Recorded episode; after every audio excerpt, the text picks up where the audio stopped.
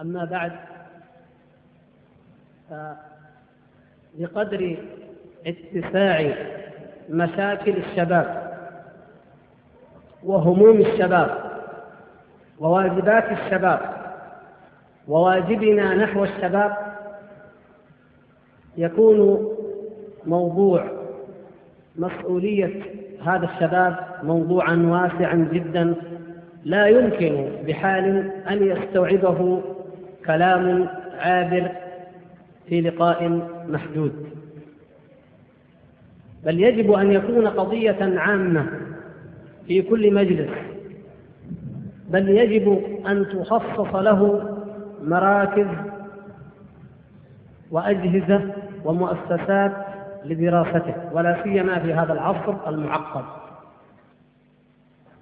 وهذه أولى البشائر التي نبشر بها إخواننا الشباب أن الأمة أمة شابة في جملتها في مجموع حياتها. ثم إنها أمة شابة في واقعها الذي تعيشه الآن في هذه الظروف. أكثر أمم الأرض شبابا هي الأمة الإسلامية والحمد لله. أكثر الأمم عددا كان في أوائل هذا القرن أكثر الأمم عددا كانت هي أمم الغرب. فقد كانت دول الغرب تعد بعشرات الملايين في حين كانت بعض الدول الإسلامية مثل مصر مثلا قبل مئة سنة كانت خمسة أو ستة ملايين فقط. بينما كانت بريطانيا تزيد على العشرين مليون وغيرها فرنسا وأمثالها. فكانت أمم الغرب أكثر أمم الأرض شبابا. ولكن حكمة الله سبحانه وتعالى ما أترفوا فيه بهذه الحياة الدنيا وما أعطاهم من زينة ومتاع يستدرجهم به ويمهلهم حتى يأتي اليوم الذي يأخذهم أخذ عزيز مقتدر. اشتغلت هذه الأمم بلذاتها وشهواتها من جهة ومن جهة أخرى هذه الأمة والحمد لله استفاقت واستيقظت والعوامل كثيرة. عوامل انحدار أولئك وعوامل إفاقة هذه الأمة لا مجال لعرضها. وهناك عوامل أوسع وأعم من عوامل الانحدار أو الإفاقة هي عوامل بشرية بحتة. المقصود أن هذه العوامل بجملتها أدت إلى أن الأمة الإسلامية هي تصبح والحمد لله أكثر أمم الأرض شبابا. ولو أخذنا مثال على ذلك تركيا مثلا. سكانها الآن أكثر من سبعين مليون. نسبة الشباب فيهم عالية جدا. لا تكاد تذكر هذه النسبة لو قارناها بألمانيا. وتركيا وألمانيا أكثر دولتين بينهما نوع من العلاقة العمالية وما أشبه ذلك. حتى أن ألمانيا لما أرادت أن تضع إعانات لزيادة عدد السكان أكثر نصيب حصل على هذه الإعانات كان العمال الأتراك الذين يعملون في ألمانيا. إذا نحن أمام خير كثير والحمد لله. أمة شابة نحمد الله سبحانه وتعالى على ذلك. لكن هذا يستتبع مشكلات ومسؤوليات وتبعات كثيرة جدا. من يربي هذا الشباب؟ ومن يوجه هذا الشباب؟ ومن يقوم هذا الشباب؟ قبل أيام فقط قليلة أصدرت الأمم المتحدة بيانا عن الإحصاء العام لسكان العالم وذكرت أن العالم الإسلامي سوف يصبح في نهاية عام 2000 يعني بعد ثمان سنوات أو نحو ذلك عدد قليل جدا يصبح عدد المسلمين ألف مليون وستمائة مليون. لو افترضنا أن الشباب فقط ستمائة مليون ومعنى ذلك معنى هذا أن الشباب المسلم وحده الشباب سوف يكون أكثر من أوروبا كلها بشيوخها وشبابها وصغيرها وكبيرها. وهذا يستتبع مسؤولية عظيمة جدا. هم يخافون منا ونحن إلى الآن لم ندرك قيمتنا ولم نعرف واجبنا ولم نضع نوعا من الأسس العامة لتربية هذا الشباب واحتضانه. كل ما لدينا من توجيه للشباب ولعل كل فيها نوع من المبالغة. أقول أكثر ما عندنا من توجيه للشباب هو لوم هذا الشباب. إن تحدث عن الشباب فباللوم. أما الشباب المنحرف فيلام من الدعاة ومن الشباب المستقيمين ومن الوعاظ ومن الخطباء ومن رجال الأمن ومن كل من يهمه صلاح المجتمع وكل من يصطلي بنار الفساد والانحراف الذي يأتي من قبل هذا الشباب نجد اللوم الشديد. وأما الشباب المستقيم فإنه أيضا يلام ويذم ويطعن فيه ويتهم بالتهم التي لا تخفى على أمثاله. إذا الأمة عمادها وقوام وجودها وأساس نهضتها بإذن الله تبارك وتعالى هو هذا. وتوجه إليه التهم من كل مكان. فإن تعرض متعرض أو متحدث لواقع الشباب فأول ما ينصرف إلى أن الشباب لا يقدر المسؤولين والشباب لا يقوم بواجباته والشباب يعزف عن الأعمال الضرورية للأمة وللمجتمع إلى أعمال أخرى. الشباب يضيع أوقاته الشباب وهكذا. لكن أين البديل؟ أين ما وضع؟ أين ما خطط؟ ليكون هذا الشباب كما نريد من الاستقامة كما يريد الله تبارك وتعالى له نحن نعيش في هذا الوضع الحرج الصعب وحال شبابنا أشبه ما يكون بقول القائل ألقاه في اليم مكتوبا وقال له إياك إياك أن تبتل بالماء ماذا فعل الأب؟ ماذا فعلت الأم؟ ماذا فعلت المدرسة؟ ماذا فعلت وسائل الإعلام؟ ماذا فعلت الصحافة؟ ماذا فعل المسجد؟ ماذا لو اختبرنا هذه العناصر الأساسية في بناء الشباب وتربيته وتوجيهه لوجدنا التقصير الشديد في حق هذا الشباب ويطول المقام لو, لو ضربنا الأمثلة على هذه كلها أما الآباء فأجزم جزما وعندي الأمثلة والأدلة عليه أن بعض الآباء لا يدري عن ابنه. أين ينام؟ وأين يذهب؟ ومن أين يأكل؟ ومن أين يأخذ مصروفه؟ وبعضهم لا يدري في أي سنة يدرس أبناؤه. وحصلت أمثلة كثيرة من هذا. حدثني أحد مديري المدارس في الثانوية أنه أرسل إلى أحد الآباء يطلبه الحضور لمعالجة وضع ابن له.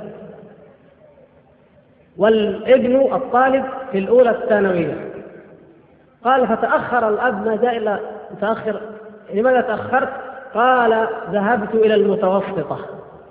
وكنت أظن أن ابني في الثالثة متوسطة فذهب إلى المتوسطة وهي في حي بعيد فقال له المريد ماذا المدير ماذا تريد؟ قال طلبتموني.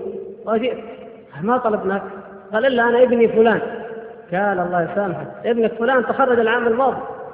والآن روح دور له في اي ثانوية. ما أدري في اي ثانوية قاعد تفكر. واتصل بالأم وما أدري كيف عرف إنه في اي ثانوية راح دور له فيها. اذا هذا هذا وخذوا نماذج كثيرة. أن الأب لا يدري.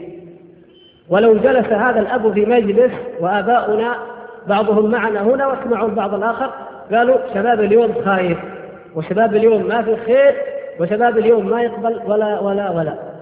وينسون واجبهم هم أن مثل هذا النموذج قد يكون كثيرا وأن التقصير في أن أن عقوق الآباء للأبناء موجود.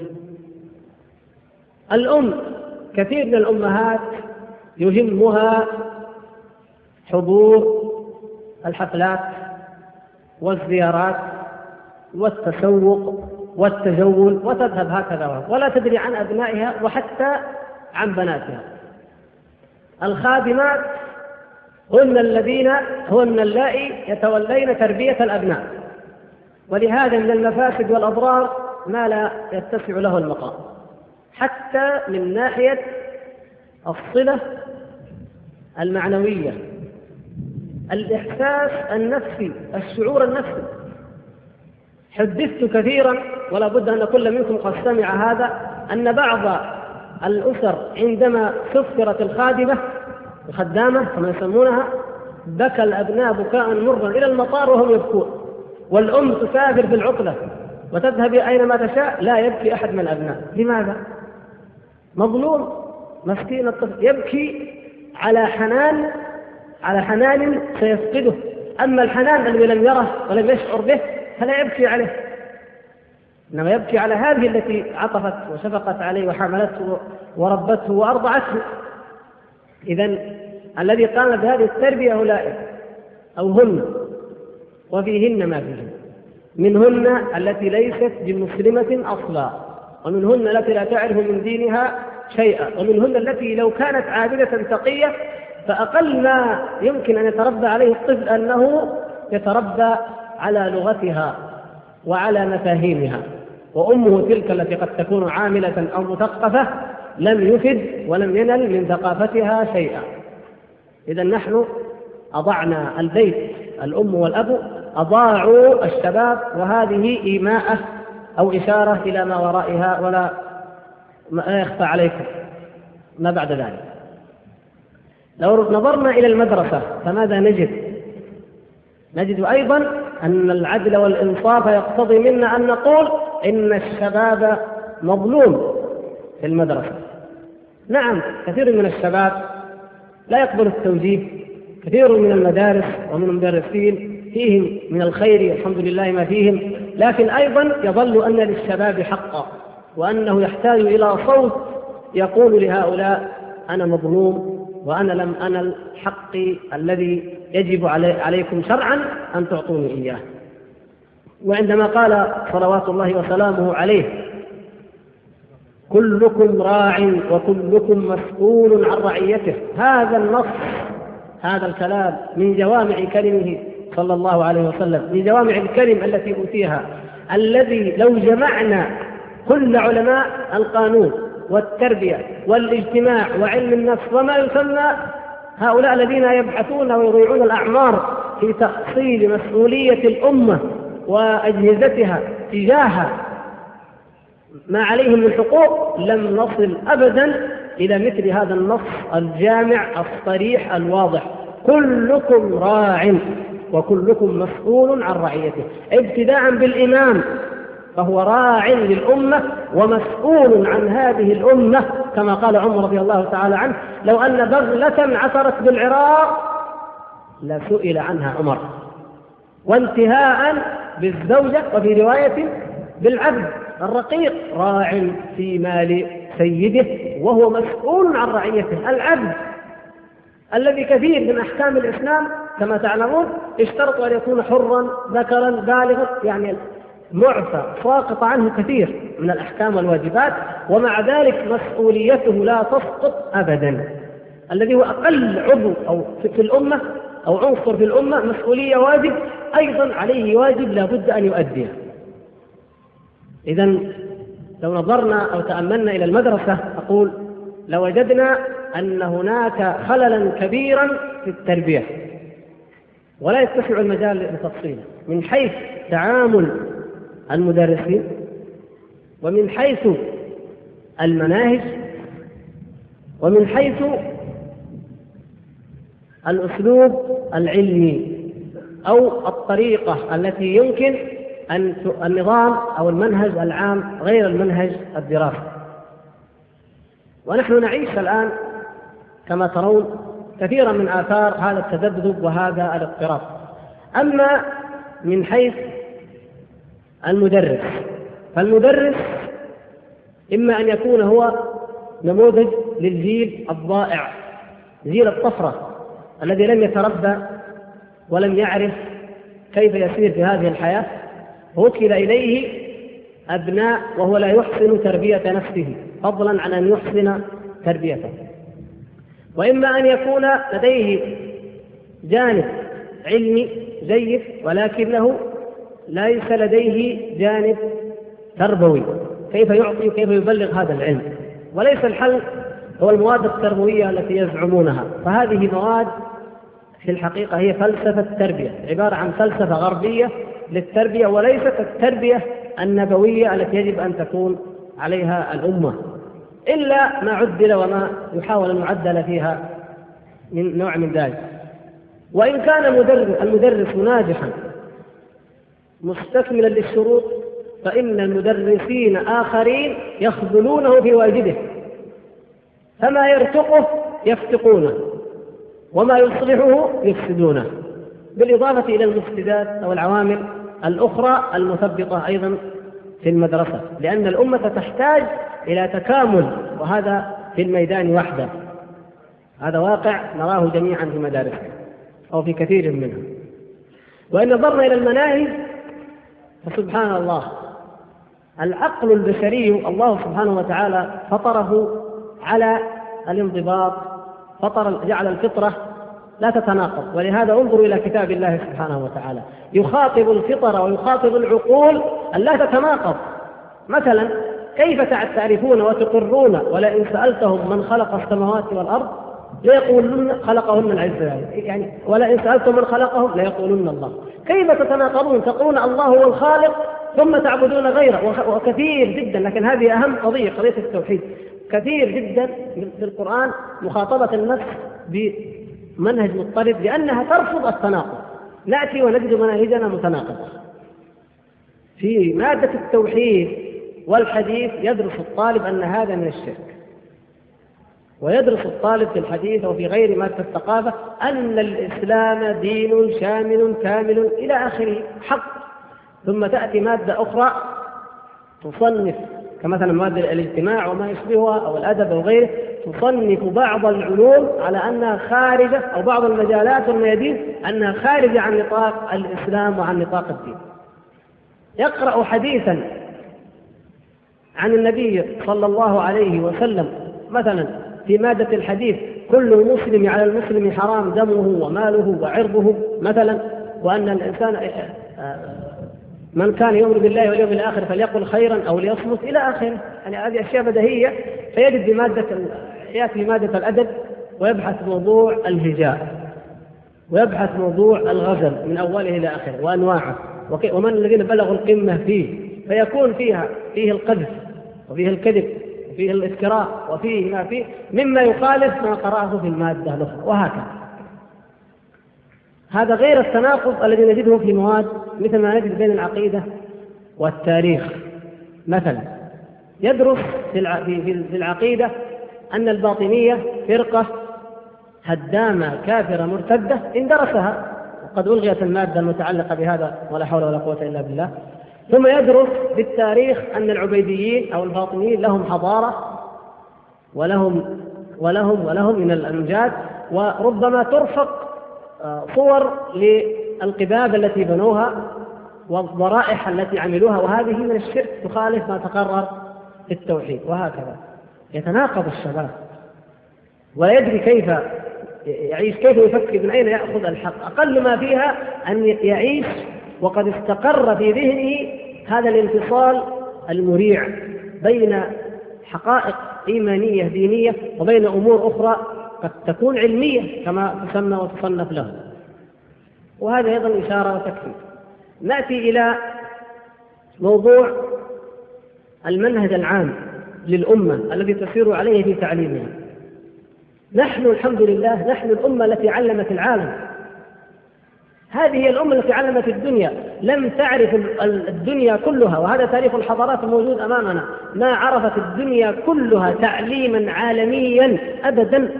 ولا حضارة عالمية أبدا إلا بالإسلام ومن المسلمين. كل الحضارات الماضية الرومانية واليونانية وغيرها كلها حضارات محلية محدودة لم تكن تفكر تفكيرا عالميا ولا تعطي نظرة تربوية عالمية أبدا. جاءت هذه الأمة وجاءت هذه الحضارة التي انبثقت من خلال أمة تؤمن بالله واليوم الآخر. ونظرها أبعد من هذا العالم لأنها تؤمن بالآخرة وهي المجال الرحب الواسع جدا أما هذه الدنيا فقد استوعبتها. كل أنواع التعليم ووسائل التعليم وطرائق التعليم وأساليب التلقين كلها درست وهضمت في هذه الأمة والحمد لله. وكتب عنها المؤلفات. أما أوروبا ويؤسفنا أننا نضطر أن نقارن دائما لكن واقعنا هو أن الفكر الغربي يسيطر على أكثر أمور حياتنا ومناهجها فنضطر أن نقارن. أوروبا أيها الإخوة أكثر من ستة قرون لم يؤلف فيها كتاب واحد. ولا كتاب في أي علم في أي فن ولا وريقات لم يكتب في أوروبا ستة قرون لم يكتب فيها كتاب. في الوقت الذي كانت فيه هذه الأمة يؤلف بعض علمائها مئتي كتاب وثلاثمائة وأكثر. ومن, ومن ذلك ما يتعلق بتربية الإنسان بتربية الشاب. منذ أن يولد بل قبل ذلك جاء هذا الدين والحمد لله من الزواج. علمنا رسول الله صلى الله عليه وسلم كيف نختار. ثم علمنا العشرة مع الزوجة. ثم علمنا أول ما يولد ماذا نفعل؟ إلى أن يربى إلى أن يكبر. وهناك منهج مرسوم واضح. ومن الناحية العملية وهي التي تهمنا الآن رسم لنا علماؤنا منهجا عجيبا فريدا جدا لا نظير له في الدنيا ويكفيكم أن تعلموا أن خيرة علماء الأمة وحفاظها تصدروا للتعليم والتدريس والإفتاء وهم بعضهم دون العشرين وبعضهم قريب من العشرين كيف كيف وصل هؤلاء؟ ابتداء من عبد الله بن عباس رضي الله تعالى عنه ومن ورائه من الصحابة وانتهاء بالإمام مالك أو الشافعي أو أحمد وغيره. في سن مبكره يصبح اسم هذا العالم يتردد في جنبات الدنيا شرقا وغربا رغم أن وسائل الإعلام كانت محدودة جدا. كيف حصل هذا؟ ونحن الآن يدرس الطالب ثمانية عشرة سنة وتأتي إليه وهو شبه أمي ستة ابتدائي ستة متوسط وثانوي هذه 12 بعد ذلك يأخذ أربعة في الجامعة وبعضهم لا يكتفي بالأربع الذي الآن يتخرج من الجامعة في أربع سنوات يعد مجتهدا أو مثاليا. قد يكمل أكثر من ذلك. ف يعني 18 إلى 20 سنة البعض حتى يتخرج مع من يرسم مع من يعيد. تجده يكاد أن يكون أمنيا ما أتقن شيئا. خلل كبير في المناهج. في في في أسلوبنا في التعليم. إذا حار الشباب في المدرسة. ننتقل إلى المسجد. والمقام يضيق بنا. أيضا عن الإطالة. ماذا نجد؟ الخطباء والدعاة كلنا الحمد لله منهم إن شاء الله أكثر ما نتكلم كما أشرت إلى عيوب الشباب وذنوب الشباب وأخطاء الشباب. بل ربما أن تكون كلمة المتحدث أو موعظة الواعظ مما ينفر الشباب الذين يحضرون إلى المسجد فضلا عن الشباب الذي لم يدخل المسجد. ليس هناك نوع من الخطاب المدروس. كيف يخاطب هذا الشباب خطابا مدروسا؟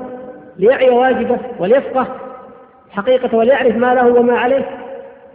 أما الشباب الذي خارج المسجد فيكاد يكون ساقطا من حساب أهل المسجد ومن يأتون إليه. حتى لو خرجنا وكانت محاضرة أو كانت محاضرة فيها المئات أو كانت صلاة جمعة أو كان الذي وخرج الناس وأمام المسجد تجمعات من الشباب الذي لا يصلي لا يؤبه له ولا يخاطب وكأننا غير مسؤولين عنه. فأصبحت هذه ظاهرة عادية أصبحت ظاهرة عادية جدا. وخذوا مثالا صلاة المغرب التي يجتمع فيها أكثر عدد من المصلين من بقية الفروق كما ترون. يخرج الناس تباعا وكثير من تجمعات الشباب بجوار المسجد وعند في الشارع ولا يكلمون ولا أحد ينظر إلى أحد. ثم في النهاية نلوم هذا الشباب. ماذا قدمنا له؟ ماذا عملنا له؟ نحن المصلين ونحن الدعاة أو الخطباء والوعاظ ماذا عملنا؟ لا شيء. بل ربما لم نفكر كيف نعمل له. من مما يجب عليه.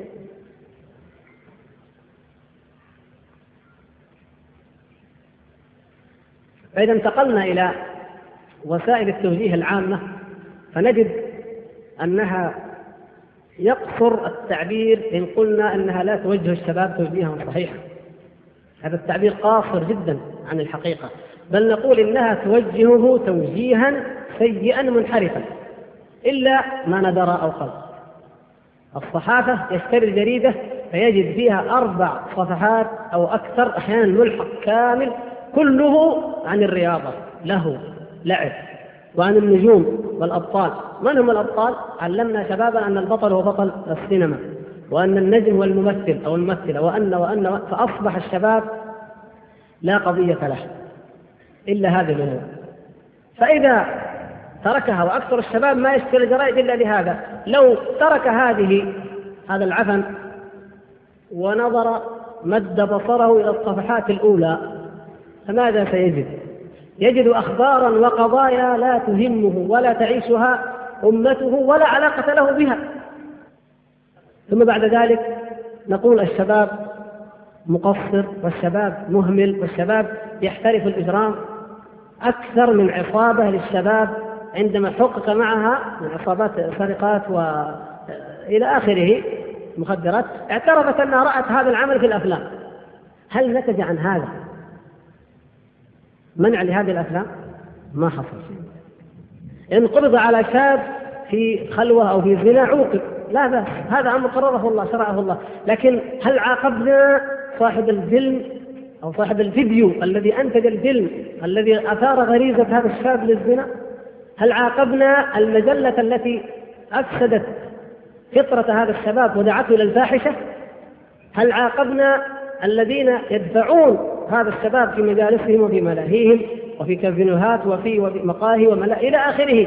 وفي التبرج لا لم بل بالعكس قد تهيأ أحيانا بعض الأمور على أنها من أمور الترفيه العام. ثم إذا عمل الشاب شيئا عوقب وجلد.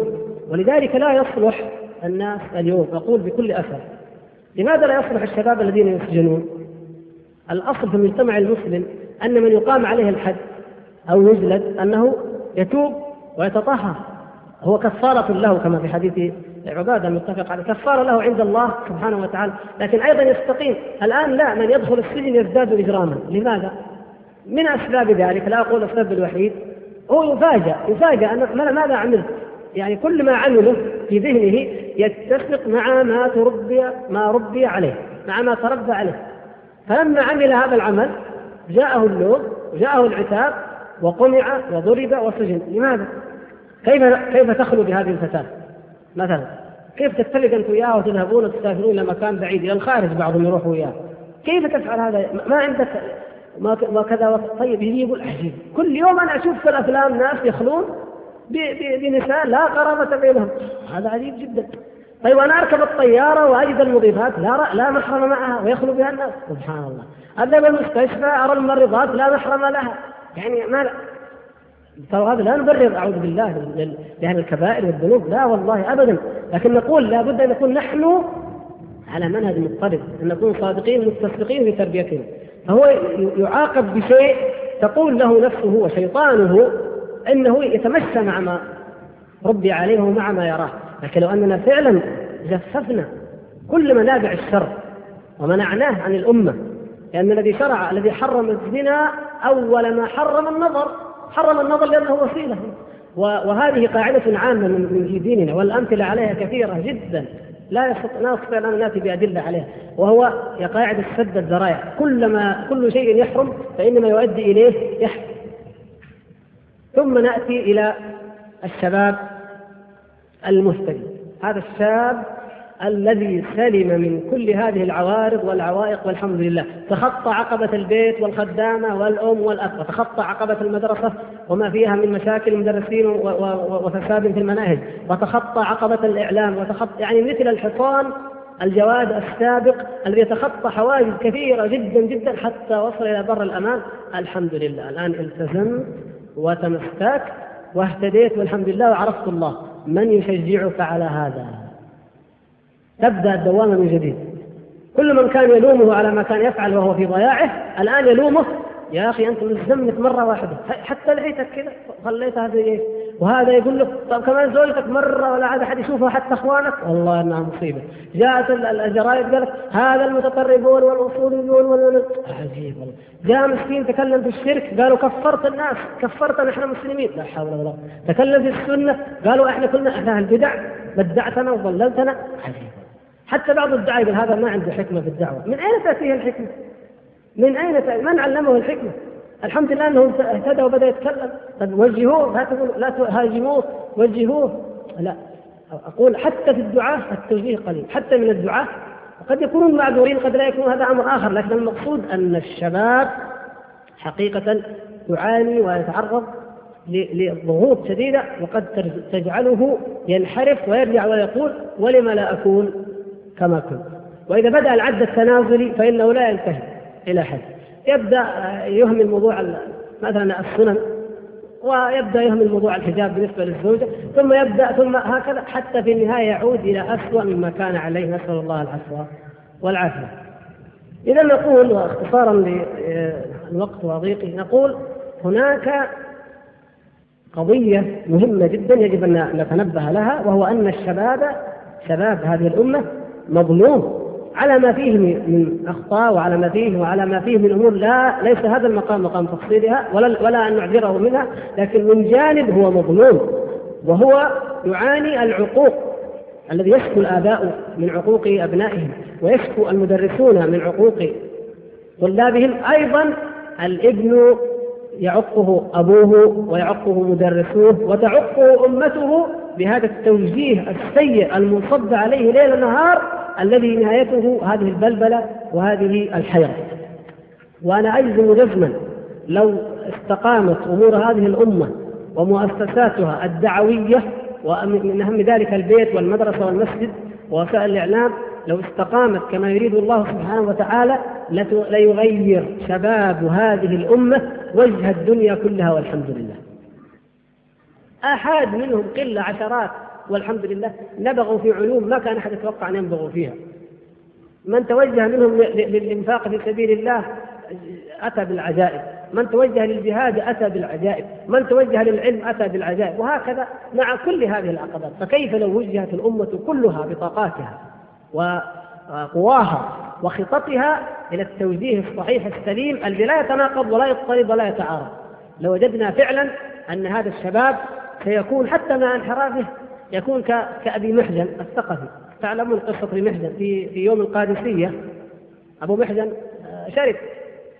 كان شابا عابثا شرب الخمر فسجنه سعد بن أبي وقاص رضي الله تعالى عنه قائد الجيش أيام القادسية في قصره ودارت المعركة التي لم يشهد التاريخ القديم لها نظيرا. الليالي القادسية الطويلة المشهورة ما كانت حتى كاليرموك أشد بكثير. فأبو محزن هذا وهو سجن في الخمر وتعلمون يعني أسوأ ما يمكن يصل إليه الشاب هو أن يشرب الخمر أو يتعاطى المخدرات عياذا بالله. ولكن تحرق وتقطع قلبه أن يكون الجيش هكذا فطرق على امرأة سعد وصرخ فيها وعاهدها بالله. لئن أعطته فرس سعد رضي الله تعالى عنه البلقاء وخرج ليقاتلن ولا يرين الله تعالى ما يصنع. فإن ف وإن سلم أن يعود إليها وأنه لا يمنعه من العودة إليها إلا أن يستشهد في سبيل الله. فقبلت منه وأعطته الفرس وخرج. فعجب المسلمون لها من هذا الرجل؟ يضرب في الأعداء. إن أتى على ميمنتهم أخذ فيهم ما أخذ. وإن أتى على بيسرتهم فتك بها. وإن وإن وقف منهم صنديد في وجه المسلمين بطش به. والناس تعجبون ويقول سعد والله لولا أن أبا محجن في القيد لقلت إنه أبو محجن وأن هذه هي البلقاء. فكان مريضا سعد رضي الله عنه. كأن أبو محجن وكأنها البلقاء. إلى أن افترق الصفان وأظهر الله تعالى المسلمين ورجع قبلهم ووضع القيد في يديه وأرجع البلقاء إلى مكانه فجاء فقال لامرأته رأيت عجبا. قالت ما رأيت؟ قال كذا وكذا. قالت فإنه أبو محجن وإنها البلقاء. أقول هذا مثال والأمثلة كثيرة جدا أنه لو عندما يعيش الشباب قضيته ويعيش هموم أمته ويوجه التوجيه الصحيح ويرى المعركة مشتعلة والله سيأتي بالعجائب بإذن الله سبحانه وتعالى على ما فيه من تقصير وعلى ما فيه من معاصي. أما أن تتعاون فئات وجبهات كثيرة جدا عليه في حال انحرافه ثم في حال توبته وهدايته فلا أتوقع من هذا الشباب إلا أن ينجرف حتى في حال الهداية. أنا أقول إن جنوح بعض الشباب إلى الغلو في الأحكام الغلو في بعض القضايا أو جنوحهم إلى نوع من تحليل ما حرم الله أو تحريم ما حل الله وكلاهما من الغلو والمذموم أو أي خطأ يقع في العقائد وفي السلوك في التعامل مع المجتمع نحن بالدرجة الأولى المسؤولون عنه نحن قبل كل شيء.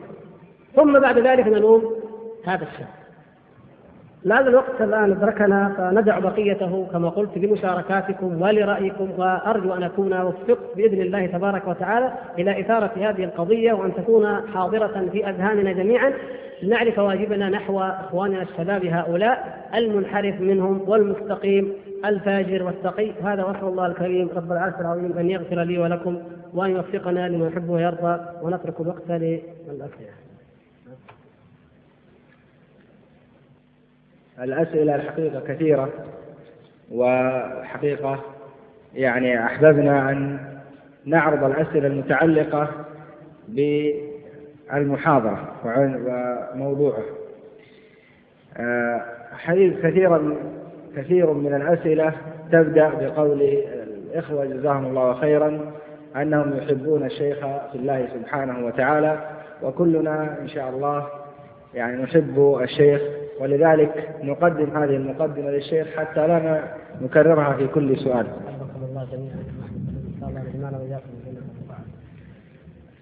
آه، السؤال الأول يقول غالبا ما تحدث فجوة بين الشاب الملتزم وبين كبار السن. فما هي الأسباب وكيف نتجاوز هذه الفجوة؟ الأسباب كثيرة. منها ما يتعلق بالشاب ومنها ما يتعلق بالكبار. والأمة الإسلامية لا تعرف هذه هذا الانفصال الذي يدعى دائما بين الكبار والصغار. وبعض الناس يؤصلون هذا هذا الانفصال وينسبون إلى النبي صلى الله عليه وسلم أنه قال لا ترغموا أبناءكم على أن يعيشوا كحياتكم فإنهم ولدوا لزمان غير زمانكم. أو ما أشبه ذلك. وهذا حديث باطل. كذب لم يقله الرسول صلى الله عليه وسلم. وليس في ديننا أن الشباب لهم رأي ووجهة وأن الكبار أو الشيوخ لهم رأي ووجهة. حتى يعني لا نفترض التعارض والتضاد حتى نفكر كيف يجتمع هذا وهذا. وإنما من حكمة الله سبحانه وتعالى أن جعل في الشباب طاقات وهذه الطاقات توجهها حكمة الكبار وتجارب الكبار. فالأمة جسد واحد وكل من كل عضو من هذا الجسد له قيمته وله دوره. فبعض الشباب قد لا يحسن أسلوب الدعوة لا يحسن التعامل. وكثيرا ما أنبه الإخوة ولا أمل من هذا التكرار إلى الإحسان في المعاملة وحسن الخلق ولا سيما مع الوالدين. اللذين قال الله تبارك وتعالى فيهما وإن جاهداك على أن تشرك بي ما ليس لك به علم فلا تطعهما وصاحبهما في الدنيا معروفا. فإذا كانا كافرين ويجاهدانك على الكفر وأمرت أن تصاحبهما في الدنيا معروفا فكيف بهما مؤمنين لكن لديهم لديهما بعض الأخطاء أو الانحرافات أو التقصير. فلا بد من الرفق والإحسان. ومن ناحية أخرى يجب على الكبار أن يتفهموا أيضا مشاكل الشباب وألا يقيسوا الأمور من خلال مفاهيم وتقاليد ورثوها. فربما تكون خاطئة ربما تكون بحاجة إلى تعديل ربما يكون ما عند الشباب خير.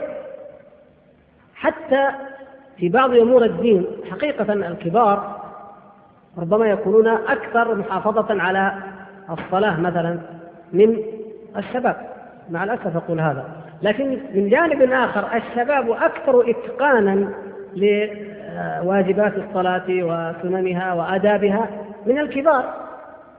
فهذه لا تعني الاختلاف وإنما تعني أن الابن يصحب أباه كلما استيقظ وذهب إلى المسجد والأب يأخذ من ابنه كيف أصلي؟ لا يقول عشرين سنة وأنا أصلي كذا أنت تجي تقول لي كذا. ها اقبل منه يا أخي. اقبل من ابنك لأنه تعلم ما لم تتعلم أنت وهكذا. فلا بد من الطرفين من الإحسان والرفق والتفهم من الطرفين. يقول السائل فضيلة الشيخ حينما أكون مع الشباب الصالح أكون نشيطا ولكن إذا ذهبت إلى منزلي وإلى المدرسة أصبح سلبيا. فهل هذه ازدواجية في شخصيتي وبماذا تنصحون؟ نرجو أن لا تكون ازدواجية وإنما تكون كحال حنظلة رضي الله تعالى عنه كما تعلمون حديثه مع رسول الله صلى الله عليه وسلم. ولهذا قال صلى الله عليه وسلم ولكن ساعة وساعة. آه، القلب البشري مشدود ومرتبط بالأرض والإنسان خلق منها ولذلك هناك نوافع ودوافع تدفع الإنسان إليها. وهذا من حكمة الله ليكون هو موضع الابتلاء من الله سبحانه وتعالى لهذا العبد. ان يرتفع أم يهبط والإنسان لا يستقر على حال. ولو أن الإنسان إذا عرف الإيمان واليقين والتوحيد استقر عليه ما تفاضل الناس في الإيمان هذا التفاضل ولا تفاضلت موازينهم يوم القيامة. لكن من الناس من يأتيه اليقين ثم يضعف ثم قد يفقده عياذا بالله. ومنهم من يأتيه الشك أيضا ثم يضعف ثم يذهب ويحل محله اليقين. وهكذا في النفس الإنسانية لا تستقر على حال ومن هنا أمر الإنسان دائما أن يتعاهد إيمانه وأن يجدد إيمانه وأن يحرص عليه وكان من أصول عقيدة أهل السنة والجماعة أن الإيمان يزيد وينقص. لكن الواجب عليك يا أخي أن تأخذ من حال إقبالك لحال إدبارك ومن حال يقينك لحال شكك ومن آه، حال قراءتك لكتاب الله وتلذذك به وتلذذك بالدعاء والمناجاة والضراعة. أن تأخذ من من ذلك وتستبقي للحالات التي تجد نفسك فيها قاسية القلب. لا ترى الخشوع ولا تحس لذة الضراعة ولا لذة المناجاة.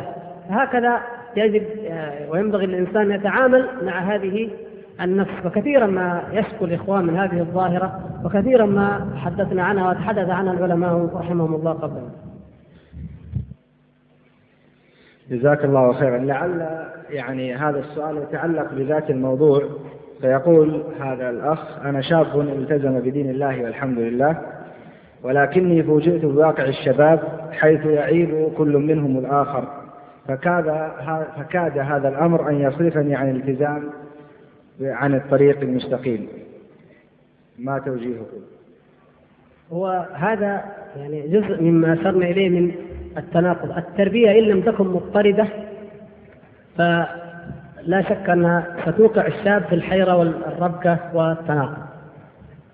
إذا كان المدرسون متناقضين أو البيت يتناقض مع المدرسة يوقع في الحيرة وفي هذا فكيف إذا كان التناقض بين من هم في نظر الشاب يمثلون الخير والصلاح والاستقامة؟ هل يعني ذلك أنه لا يوجد خلافات بين العلماء أو بين الدعاة؟ بلى موجودة. لكن ما فائدة أن تعرض هذه الأمور أمام الشباب؟ ما فائدة أن ينتقد الشباب بعضهم بعضا؟ أو أن ينتقد بعض الدعاة بعضا؟ أو ينتقد بعض الشباب بعض الدعاة والعلماء أمام هذا الشباب الذي هو أحوج ما يكون أن يصلب عوده ويقوى إيمانه في معرفة الحق والخير والتمسك؟ الواجب الأساس هو أن تدعو الإنسان والشاب إلى التمسك بالكتاب والسنة إلى الحق لا إلى الرجال. فنحن بالحق نعرف الرجال وليس بالرجال نعرف الحق. يعني المعيار هو الحق لا الرجال. فإذا أصلت هذه القضية عنده واستوعبها وفهمها وتربى عليها ثم علمته أدب الخلاف وعلمته أن الأمة متفرقة وأنها تفترق ولكن الحق واحد وأن الطريق إلى الحق ممكن الوصول والحمد لله بانتهاج منهج السلف الصالح رضوان الله تعالى عليهم في الاستدلال والسؤال وكذا وإذا علمت الشباب على هذه فإنه عندما تعرض له العوارض يكون لديه المنهج والميزان الحق. لكن أن نبدأ نعلمه المشاكل وليس لديه ميزان ثابت فهذه وأقولها بكل ألم وأسف أوجدت نوعا من الشباب الذي انحرف بعد ال ال ال ال الهداية وارتد بعد الاستقامة. نسأل الله العفو والعافية. لأنها أمور خلل تؤدي إلى خلل كبير في التربية. تفقد الشاب القدوة. ومن طبيعة الشباب التعلق بالنموذج. هذه يا إخوان قضية يجب ان أن تعوها. وهذه التي دخل منها المجرمون والمفسدون فعلموا الشباب أن النموذج هو لاعب الكرة أو النموذج هو الممثل. لا بد للشباب من نموذج يحبه. شيخ داعية عالم كذا شيء معين. بقدر ما تمست أنت هذا النموذج تحطم العمل الذي لديك. ولذلك نربي الشباب يجب أن نربيهم أن لا يتعلقوا بالأشخاص لكن لا يمكن أن نستأصل من قلوبهم ومن من فطرتهم من عواطفهم التعلق بنموذج معين حي أو ميت. ولهذا نقول إن النموذج الذي يجب أن نتبعه جميعا هو رسول الله صلى الله عليه وسلم. وأن الحي لا تؤمن عليه الفتنة وان وأن من الضوابط التي لا تخفى إن شاء الله. لكن مع ذلك لا نحاول أن نحطم هذا الشاب بضرب النموذج الذي يعني يحبه أو يميل إليه ما دام أن هذا النموذج من أهل السنة والجماعة. هذا الشرط الأساس الذي لا نتعداه أما إن كان من أهل البدع مناهج بدعية منحرفة فهذا لا يصلح أن يكون نموذجا بل ليس عضوا فضلا عن أن يكون نموذجا.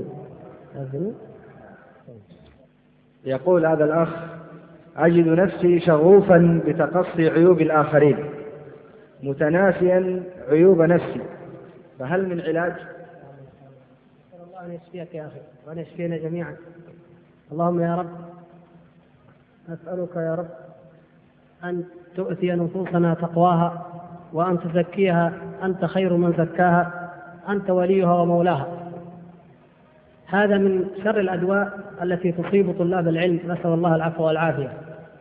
وشر الناس من شغل بعيوب غيره عن عيوب نفسه. وكما قال بعض السلف الصالح علامة إعراض الله عز وجل عن العبد أن يشغله بما لا يعنيه. وقال الآخر كانوا ينهون عن فضول النظر كما ينهون عن فضول الكلام. ولما كان السلف الصالح رضوان الله تبارك وتعالى عليهم يربون تلاميذهم وأمتهم كان عمر رضي الله تعالى عنه يربي الأمة كلها من فوق المنبر يقول رحم الله امرا أهدى إلي عيوبي. عرف الناس عرف أولئك الأخيار الأطهار أن الذي يضرك هو عيبك أنت. وأن الذي يسيء إليك هو ذنبك أنت. لا ذنوب الناس وعيوبهم. والأمر بالمعروف والنهي عن المنكر لولا أنه يضرنا تركه نحن لما قمنا به لكن يضرنا. وهذا هو المحمل الصحيح لقول الله تبارك وتعالى لا يضركم من ضل إذا اهتديتم. يعني إذا قمتم بالأمر بالمعروف والنهي عن المنكر فلا يضركم. لكن الله تعالى أمرنا أن نأمر بالمعروف وأن ننهى عن المنكر وندعو إلى الله وأن نقول للكافر أنت كافر وللمبتدع أنت مبتدع وللظالم أنت ظالم. لأن الله أمرنا بذلك فعلنا وإلا لو لم يأمرنا به لكفانا ظلم أنفسنا وعيب أنفسنا وما فينا من آه، شرك عياذا بالله إن كان أو بدعة أو تقصير عن غيرنا. أما أن يصل الأمر إلى أن هذه الشهوة النفسية الموجودة لدى كثير من الشباب تشبع وتثار بحيث يصبح بعضهم يتتبع عورات المسلمين يتتبع عورات وسقطات العلماء أو الدعاة ويربى على ذلك فهذا من أسوأ أنواع التربية وهذا مرض خطير نسأل الله العفو والعافية. وأبشر من قد يربي الشباب على هذا بأن الدور سيأتي عليه. فلا تغضبا من سيرة أنت سرتها, سرتها. وأول راض سيرة من يسيرها. أبدا.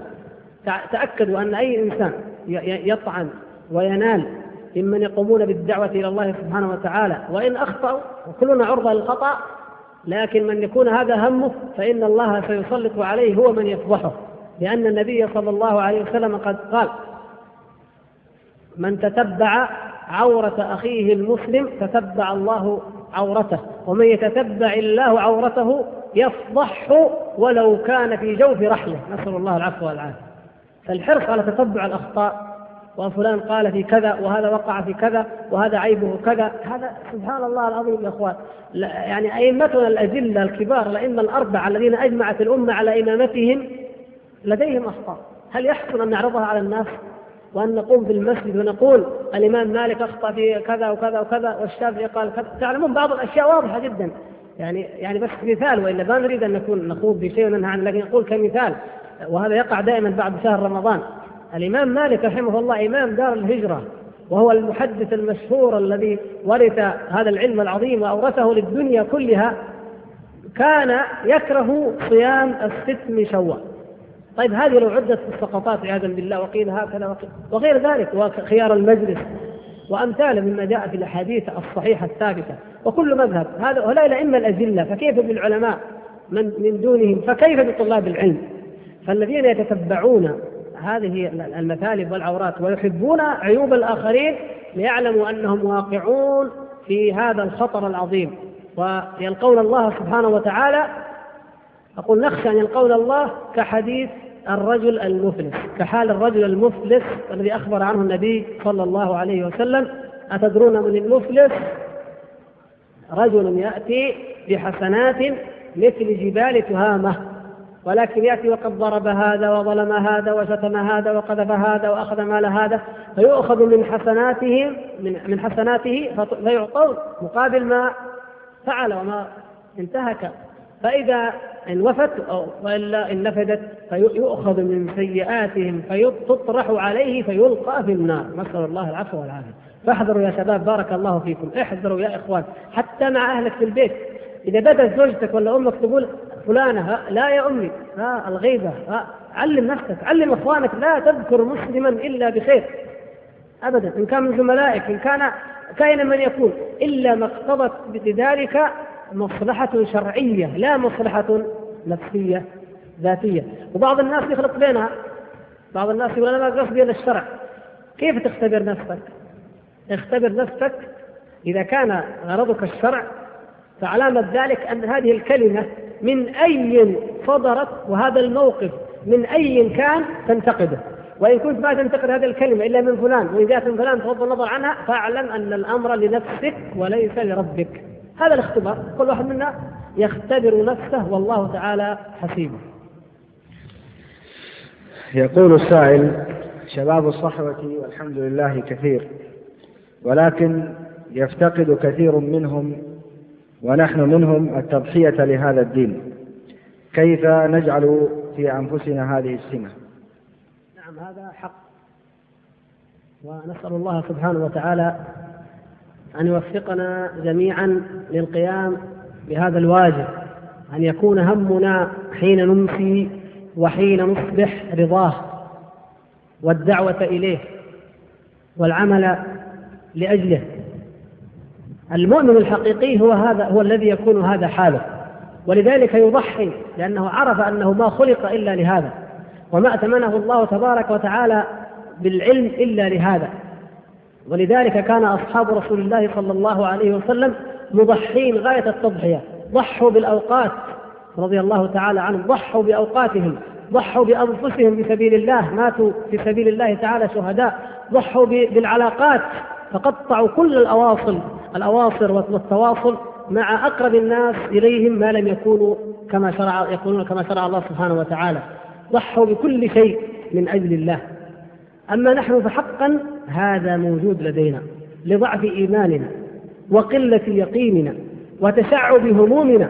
نحن يا إخوان الهم ليس هما واحدا. الذي عندما قال ابن القيم رحمه الله فلواحد كن واحدا في واحد أعني طريق الحق والإيمان. فلواحد هو الله تبارك وتعالى. كن واحدا كن أمة. لا تتشتت ولا تتشعب أيضا. لا كن واحدا. في واحد في طريق واحد وهو طريق الحق وطريق الإيمان. نحن الآن يزاحم هذا الهم هم الدعوة وهم رضا الله تبارك وتعالى وهم العمل للدار الآخرة. يزاحمه العمل للدنيا. والوظيفة وحظ النفس وحب الراحة والإخلاد إلى الكسل وكلها تزاحم هذا. ولذلك يجب أن نضحي. ويجب على الشباب أن يتعود التضحية. ضحي يا أخي بوقتك. ضحي يا أخي بمالك. أنفق في سبيل الله عز وجل. ولو أن تشتري شريطا أو كتابا أو أن تشتري ورقة تكتب فيها إعلانا أو تصور إعلانا من إعلانات الدعوة إلى الله سبحانه وتعالى. ضحي ولو بسمعتك. لماذا قال الله تبارك وتعالى ولا يخافون لومة لائم لأن اللوم, اللوم كثير. هذا بيقول لك جن وهذا يقول لك هبل وهذا يقول ترك وظيفته من أجل الدعوة وهذا يقول ضحى بنفسه. كل واحد يلومك. ضح بهذا لا يهمك إلا أن تكون فعلا كما يرضي الله. فإن أرضيت الله سبحانه وتعالى كفاك الله تعالى كل ما عداه. نسأل الله تعالى أن يوفقنا وإياكم للجهاد والتضحية والبذل له وفي سبيله. السائل يقول لقد ذكرت أن الشباب إذا اهتموا بقضيتهم فإنهم ينتجون فما هي قضيتنا حتى ننتج؟ قضيتنا توحيد الله وعبادة الله ومن ذلك الأمر بالمعروف والنهي عن المنكر والدعوة إلى الله وإقامة هذا الدين في الأرض.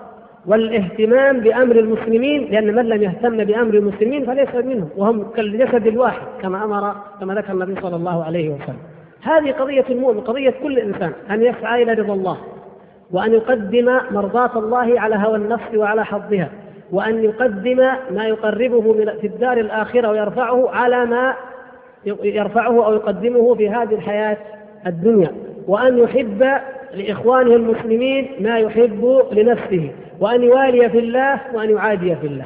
هذه قضية قضية أو, أو يعني جوانب من القضية الرئيسية الكبرى ثم تندرج تحتها تحتها الواجبات مما فرض الله تعالى علينا قيامه جميعا. من صلاة وزكاة وصيام وحج وجهاد وكل ما شرع الله سبحانه وتعالى. لو لم يكن عند المسلمين إلا سنة من سنن رسول الله صلى الله عليه وسلم أهملت أو أميتت أو يعني تركها الناس يجب علينا أن نحييها. فكيف إذا أهمل التوحيد؟ كيف إذا أهملت أركان الإسلام؟ يجب أن نجاهد لكي نحيي ما أمات الناس ونصلح ما أفسد الناس لتكون فينا صفة الغرباء الذين أخبر النبي صلى الله عليه وسلم عن حالهم وعن بينهم فهي قضية واحدة وتستطيع أن تجعلها قضايا كثيرة بحسب التخصص والتأهل. قضية العلماء غير قضية العامة وقضية المتخصص في جانب معين غير الذي لا يتقن إلا جانبا آخر. قضية التاجر المسلم صاحب المال غير قضية صاحب العلم. صاحب العلم يؤلف يدحض الشبهات يبين البدع يكشف الضلالات يقيم الحجة. أما التاجر المسلم فقضيته أن ينفق وأن يعطي ويمد الجمعيات الإسلامية التي على الكتاب والسنة ومنهج السلف وأن يبني المدارس والمساجد وهكذا. كل له قضية منا بحسب موقعه الذي أعطاه الله. قضية المدير في إدارته أو الوزير في وزارته أو الحاكم في دولته. إقامة دين الله إقامة حدود الله إقامة فرائض الله بحسب ولايته التي أعطاه الله سبحانه وتعالى. قضية الزوجة في بيتها أن تحفظ نفسها وتطيع ربها وتطيع زوجها وتربي أبنائها كل هذا قد جعله الله تعالى يعني على التفصيل أيضا كل له قضيته. لكن في الجملة قضية الأمة قضية واحدة هي توحيد الله تعالى والقضايا الأساسية الأخرى المتفرعة عنه. ألا تظن أن المعرفة الذهنية لهذه القضية يعني موجودة ولكن ما هي الوسيلة لجعلها يقينا؟ يتحرك من أجلها كل مسلم. نعم يعني هذه تأتي باستشعار المسؤولية التي سوف يسألك الله تبارك وتعالى عنها يوم القيامة كما المحنة. فكل منا مسؤول عن هذه القضية وعن هذا الهم وعن هذا الأمر. وإذا علمت أن الله تعالى سيسألك بحسب علمك أو بذلك أو الجانب الذي أعطاك وأن الله تبارك وتعالى إن أعطاك المال فليبتليك ويختبرك وإن أعطاك العلم فأيضا كذلك وإن أعطاك ما أعطاك فإنما أعطاك لتقوم بحق الله تبارك وتعالى فيه. أقل شيء كما أقول دائما الذي لا نملك نحن أن نعتذر عنه أن ندعو الله تبارك وتعالى. عمل القلب أنني بقلبي أحب الأخيار وأحب الصالحين وأحب الدعاة إلى الله وأدعو لهم أن يحفظهم الله وأن ينصرهم وأن يؤيدهم. أحب إخواني المجاهدين في كل مكان. والداعين الكتاب والسنة في كل مكان. وأدعو الله تبارك وتعالى لهم وأذب عن عرضهم. هذا بقلبي على الأقل أحب وكذلك أكره المنكرات وأهلها والبدع والضلالات ومن دعا إليها. وأدعو الله تبارك وتعالى أن يهديهم أو يهلكهم. وهكذا. هذا أمر قلبي. أما أن المؤمن يعيش يصبح ويمسي وهمه الدنيا والمطعم والمشرب والوظيفة والزوجة والسيارة لا يهمه رضا الله ولا توحيده ولا طاعته ولا نشر السنة ولا نشر الحق ولا الخير. هذا الذي في الحقيقة يجب أن يعيد النظر. كل منا حسيب نفسه أن يعيد النظر ليختبر إيمانه ويجد بما تريد أن تنال رضا الله وتنال جنة الله تبارك وتعالى. اتقوا الله واعلموا أن الأعمار هذه ثمينة. والله إن الإنسان يوم القيامة يا إخوان يندم والله يتمنى أنه يجد ولو دقيقة يقول فيها سبحان الله أو الحمد لله أو لا إله إلا الله أو الله أكبر لأن هذه غراس الجنة. إذا رأى أن غراس أخيه أكثر من غراسه يتمنى دقيقة يتمنى لحظة يتمنى أن رب ارجعون لعلي أعمل صالحا بما تركت يتمنى أن يعود إلى الدنيا ليقول أشهد أن لا إله إلا الله فيؤمن كل هذا العمر ثمين جدا يضاع وتضاع. أعظم طاقات الأمة في اللهو واللعب. لو أن أحدا بدد بدد ثروات الأمة لو أن أحدا نهب بترولها لو أن أحدا دمر مدنها لغضبنا جميعا. والله إن طاقات الشباب وأعمار الشباب وأوقات الشباب أثمن وأغلى من البترول ومن كل حضارة مادية ننجزها ومن كان يخالفنا في هذا فليس بيننا وبينه اتفاق في شيء.